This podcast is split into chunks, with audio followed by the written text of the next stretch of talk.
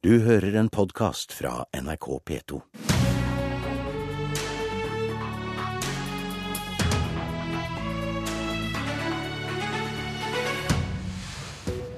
Velkommen til Politisk kvarter, statsminister Erna Solberg. Tusen takk. Da jeg spurte Knut Arild Hareide om partilederes sommeroppsummeringer og ærlighet, så sa han jeg snakker alltid sant, men sier ikke alltid alt. Hvordan er det med ærligheten din i dag? Jeg forsøker også alltid å snakke sant til etter beste, etter beste kunnskap og, og, og annet. Men eh, det er klart at det ikke er alt vi trenger å fortelle. Uh, og jeg har ofte mange spørsmål om hva vi, hva vi sier på bakrommet. Og jeg mener at i norsk politikk så er det viktig at vi som samarbeider også sier ting til hverandre og diskuterer ting uten at vi skal bruke kringkasting eller annet som, som hovedvirkemiddel for det. Det er kanskje Men ikke jeg- alt som er på lista, selv om det ikke skjer på bakrommet? Ja, men jeg, altså For meg er jo en oppsummering eh, viktig, ikke minst etter nå har vi hatt to stortingssesjoner. altså ja, I underkant av to år i regjering. Vi har veldig mye vi har gjort. Og det er klart, vi slåss hver dag for å få lov å fortelle hva vi har gjort. eh, De sakene som ikke skaper konflikt og diskusjon, fordi de er så bra at ingen vil kritisere oss, og da er det litt mindre interesse. Men da blir det sånn at jeg kommer til å snakke om samferdsel, jeg kommer til å snakke om skole. Jeg kommer til å snakke om eh, hva vi gjør for å få ned helsekøene, for å få til bedre kreftbehandling, rusbehandling. Faktisk alle de sakene jeg også snakket om i valgkampen i 2013, som jeg kommer til å være stolt av i dag å legge frem resultatene på. Og så dukker det opp nye saker. Syria-avtalen, står den på regjeringens skryteliste? Eh, Det er jo ikke initiert av regjeringspartiene. og Regjeringspartiene var enige om at vi skulle gjøre mer. Vi har gjort mer i vår periode i Syria. Vi har tatt imot flere syriske flyktninger. Men vi mener jo at det hadde vært best bruk av pengene hadde vi brukt mesteparten av de i eh, nærområdene. Det er der behovene er desidert størst.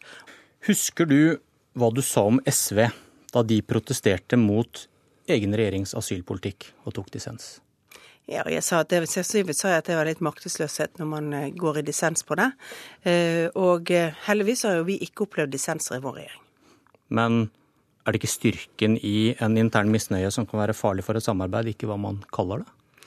Ja, Det viktige her er at vi har altså, vi har ikke fra regjeringens side vært enige om, om, om hva vi skulle gjøre i Syria. Så har vi hatt litt ulik oppfatning av hvordan enige lenger. vi har hatt litt ulik oppfatning av hvordan vi på Stortinget skulle håndtere det faktumet at vi hadde, ti, eh, hadde et eh, flertall som hadde bestemt seg for at de ville hente 10 000 syriske flyktninger på kvote til Norge over to år. Vi valgte da fra Høyres side å si at for oss er det bedre med det som er nest best, nemlig å få en, eh, en ordning som vi tror kommunene kan makte å bosette. Vi er alle partier på Stortinget opptatt av at vi skal bidra i den krisen og konflikten som er i Syria. Det gjør vi jo både med den bistanden vi gir til nærområdene inn i Syria, men vi gjør det også gjennom å hente kvoteflyktninger allerede i dag. Bent Høie, din nestleder og helseminister, var innvandringspolitisk talsmann i 2008, og han sa at uenigheten om asylpolitikken i regjeringen viste en svak statsminister. Hva forteller denne saken om deg Men her er det jo ikke en uenighet i regjeringen om hva vi skal gjøre, men på Stortinget har vi valgt en ulik strategi i møte med et de facto flertall. Er det så Vi mange som er enig med deg at ikke dere er enige om hva man skal gjøre? At dere er enige Altså, om hva man skal gjøre? regjeringen var enig. Vi la frem en, la en redegjørelse i Stortinget. Jeg viste til hva vi kom med i revidert nasjonalbudsjett. Regjeringen la frem i revidert nasjonalbudsjett det vi gjorde, en økning i i bistanden i nærområdene. Eh, og så har vi altså håndtert en situasjon på Stortinget hvor det da alternativt ville vært 10 000 syriske flyktninger over to år, eh, som hadde kommet på toppen av den asyltilstrømningen og de som får opphold. Og det mener jeg er et politisk praktisk håndverk som har vært nødvendig for å sørge for at vi faktisk kan få en mer eh, en ordning som er bedre å håndtere enn det det lå an til. Men skjønner du at man kan spørre hvorfor SVs protester mot egen regjeringspolitikk var så alvorlige, mens FrPs i Syria-saken, i trygdeoppgjøret, ikke er det? Altså, Jeg skulle ønske at vi ikke hadde hatt uenighet om disse sakene. Men svar på spørsmålet. men- Skjønner, skjønner du at man stiller det spørsmålet? Dere var ganske krasse mot SV som sto på plenen, mens nå er det helt uproblematisk at Frp i løpet av kort tid protesterer mot trygdeoppgjøret og mot Syria-vedtaket, og foreslår en folkeavstemning mot egen regjeringspolitikk, det regjeringen må gjennomføre. Ja, men det er ikke egen regjeringspolitikk, men det som Stortinget har påført en mindretallsregjering å gjennomføre. Og det er noe helt annerledes enn det som er den egne regjeringens politikk. Vi har faktisk som partier stått sammen om hva som er regjeringens politikk. Så har vi håndtert en politisk situasjon i Stortinget okay. som jeg mener er et nest beste, basert på at eh, ellers ville vi fått en situasjon som ville vært vanskeligere å håndtere, også ute i kommunene. Det leder meg elegant til mitt neste spørsmål. Er motivasjon viktig for at du gjør en oppgave på en best mulig måte? Motivasjon er alltid viktig for det. Eh, Samtidig så er, skal man aldri undervurdere pliktfølelse, ansvarsfølelse. Motivasjon er ikke det eneste som driver folk. En god protestantisk etikk betyr at pliktfølelsen skal også gjøre det. Da har du kanskje svart hvordan påvirker Frp-statsrådenes uvilje evnen til å gjennomføre dette Syria-vedtaket? Det er, regjer det, det er regjeringen i helhet og meg som statsminister som forplikter i forhold til å gjennomføre dette. Men er du enig i at man gjør en bedre jobb hvis man brenner for en sak? Eh, Man gjør ofte en bedre jobb hvis man brenner for en sak, men det kan også være viktig å tenke over at man gjør en veldig god jobb nettopp for det. man vil vise at man ikke skal legge hindre i veien, for noen spekulerer i det. Hva tenker du om at Frp fra talerstolen på Stortinget sier at samarbeidsavtalen er brutt? Jeg tenker at det er bare to personer som kan definere det, og det er meg og Siv, og vi har ikke gjort det. Og når Frp fra talerstolen sier det, og samarbeidsavtalen omhandler ikke kvoteflyktningstall. Kan vi regne med at den ikke er Du sa at Siv Jensen sier at den ikke er brutt, det har ikke hun sagt høyt. Nei, men altså det er vi som definerer spørsmålet om Ja. den er brutt eller ikke. Ingen andre som gjør det. Og det er altså ikke noe omtale i samarbeidsavtalen av antallet kvoteflyktninger. Men er det uavklart om den er brutt, for du og Siv har ikke snakket om det ennå? Nei, altså jeg mener at eh, så lenge vi sitter i regjering, så lenge vi snakker om politikk, så er vi innforstått med at vi har gjort de valgene vi har gjort i Stortinget. Og så har jeg lyst til å si at eh, det er sånn at det står ikke et ord om kvoteflyktninger i samarbeidsavtalen. Eller det står et ord om at vi skal kunne ta flere kvoteflyktninger hvis asyltallene går ned. Men, men eh, dette er et spørsmål som vi håndterer hvert eneste år. Derfor har vi også tatt imot flere kvoteflyktninger under denne regjeringen, uavhengig av de avtalene som har ligget. Du sier regjeringen lever godt med Syria-vedtaket, og da kan det vel skje igjen, hvis situasjonen skulle kreve det. Jeg mener at eh, stortingsflertallet bør eh, tenke gjennom om eh, denne måten er en riktig måte å drive politikk på eh, fremover. Men du kan De- ikke si begge deler. Du kan gjør- ikke si, si at dette er helt greit, og Stortinget må passe på at de ikke gjør det igjen. Jo, altså vi, Det må vi selvfølgelig gjøre, fordi vi må håndtere dette inn i et budsjett som ingen andre har sett budsjettvirkningen av, og ingen vet hvordan budsjettet er. Derfor har vi lagt opp til den praksisen normalt at å bestemme så store økonomiske størrelser gjør vi når vi behandler selve budsjettet, ikke uavhengig av budsjettene. Ok, du har fått en ny motstander. Jeg tenker ikke på Siv Jensen, men på Jonas Gahr Støre. Og nå har han virket en stund, og hva slags opposisjonsleder ser du nå? Jeg syns ikke at min jobb er å karakterisere eh, andre politikere eller opposisjon. Vi, vi merker at Arbeiderpartiet eh, på noen områder kommer ut med mer politikk, på andre områder gjør de det ikke. Og vi venter jo spent på hva alternativene deres er på mange områder. De er mye i prosesskritikk og mindre i eh, å levere alternativ politikk. Men det er jo og særlig på de kjerneområdene som vi diskuterte før valgkampen i 2013, og det skjønner jeg. For der leverer denne regjeringen så godt. Vi leverer på helse, vi leverer på redusert f.eks. Eh, som NRK som meldte i går, altså at tiden rusmisbrukere venter på behandling, har altså gått ned med om lag ti dager på den tverrspesialiserte eh, behandlingen. Eh, Et viktig eh, resultat for en veldig viktig sak som vi frontet i valgkampen. At alle de borgerlige partiene var enige om at vi skal gjøre mer Men- på rusområdet. Men hvorfor har han tett oppunder 40% av velgerne bak seg da, etter det du nettopp sa? Min jobb er å sørge for at vi slåss for å vise våre resultater. Jeg vet at vi gjør mye nå. En del av de tingene vi gjør, skaper litt usikkerhet. Er rett og slett fordi når du setter i gang store reformer og endringer, så er folk litt usikre på hva betyr dette for meg, hva skjer nå? Og da er det lett å tenke at dette skulle vi latt være å gjøre. Men jeg mener at de reformene vi vil gjøre nå, det gjør at vi får bedre tjenester i fremtiden, vi får bedre kvalitet på tilbudet.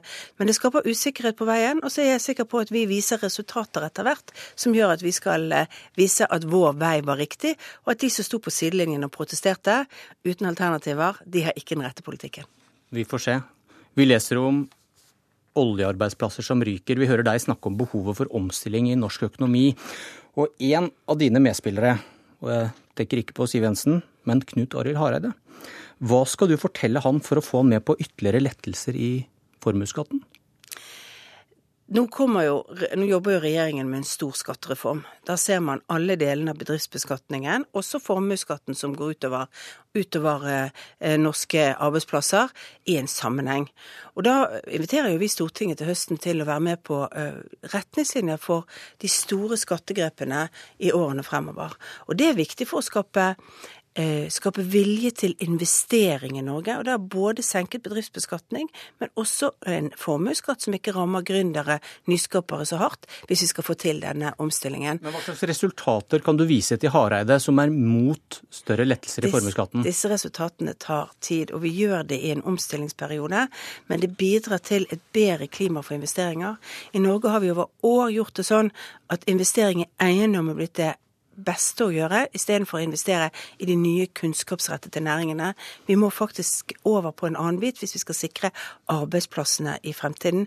Og det er jo det denne omstillingen dreier seg om. Vi har en kortsiktig utfordring på konjunkturendringer som vi skal jobbe hardt med, og sørge for at vi har høyt aktivitet i samferdselssektoren, bidra til at vi skaper arbeidsplasser som folk kan gå inn i med en gang. Men den langsiktige omstillingen dreier seg om kunnskap, kompetanse.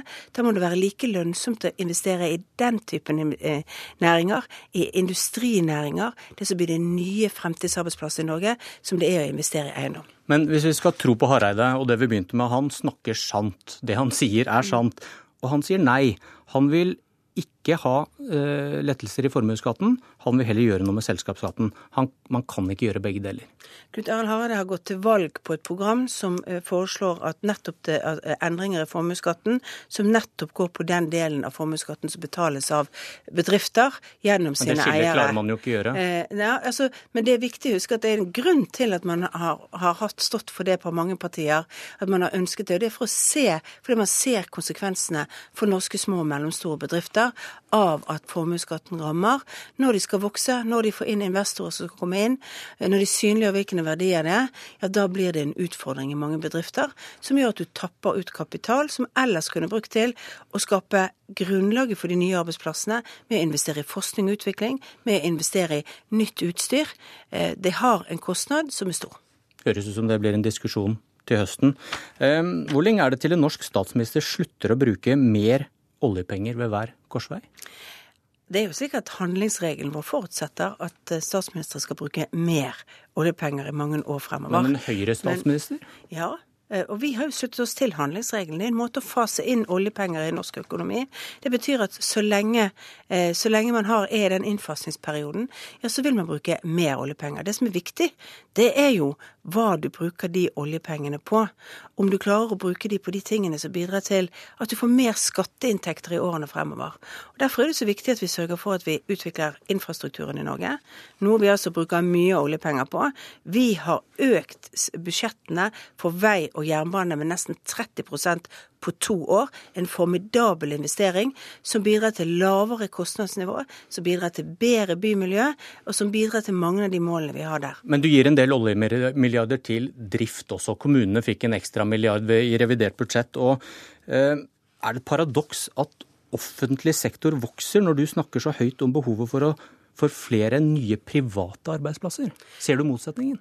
Eh, jeg ser motsetning hvis vi ikke får til veksten i de private arbeidsplassene. Du kan gjøre begge deler. Offentlig eh, sektor kan ese, og så kan du skape disse nye Offentlig sektor må vokse noe i årene fremover, fordi vi har store, store nye eldrekull som kommer ut, som kommer til å trenge omsorg, som kommer til å trenge hjelp. Vi skal ha mer politifolk, det har denne regjeringen lovet. Vi skal uh, sikre et godt forsvar. Jeg ble spurt om dette før valget i 2013, så sa jeg at offentlig sektor kommer til å vokse også med Høyre i regjering, rett og slett fordi oppgavene vi skal løse, gjøres gjennom offentlig sektor i hovedgrad. Eh, og dermed så må vi også se for oss at offentlig sektor vokser. Men det må ikke skje i et tempo som gjør at det, at det bidrar til at privat sektor ikke vokser. For på lang sikt når vi ikke hele tiden kan fase inn oljepenger, så vil bærekraften i privat sektor alltid være nødvendig for å kunne finansiere offentlig sektor. Derfor er den omstillingen vi går inn i nå, annerledes enn de omstillingene vi har bak oss. For nå skal vi omstille oss til, eh, vi, til jobber vi ikke helt vet og kommer til å ha samme bæreevnen for velferd som det de har vært eh, tidligere. Og når Jonas Gahr Støre da satt her og sa at eh, vi har omstilt oss i 100 år, så syns jeg det bevitner at han ikke skjønner den omstillingen vi går inn i nå, det er en helt annen type omstilling. For nå vet vi ikke at det er én sektor som trekker alt, sånn som oljesektoren gjorde. Men enn så lenge så har han velgerne bak seg. God ja, sommer. Det skal han få kamp om. God sommer, Erna Solberg.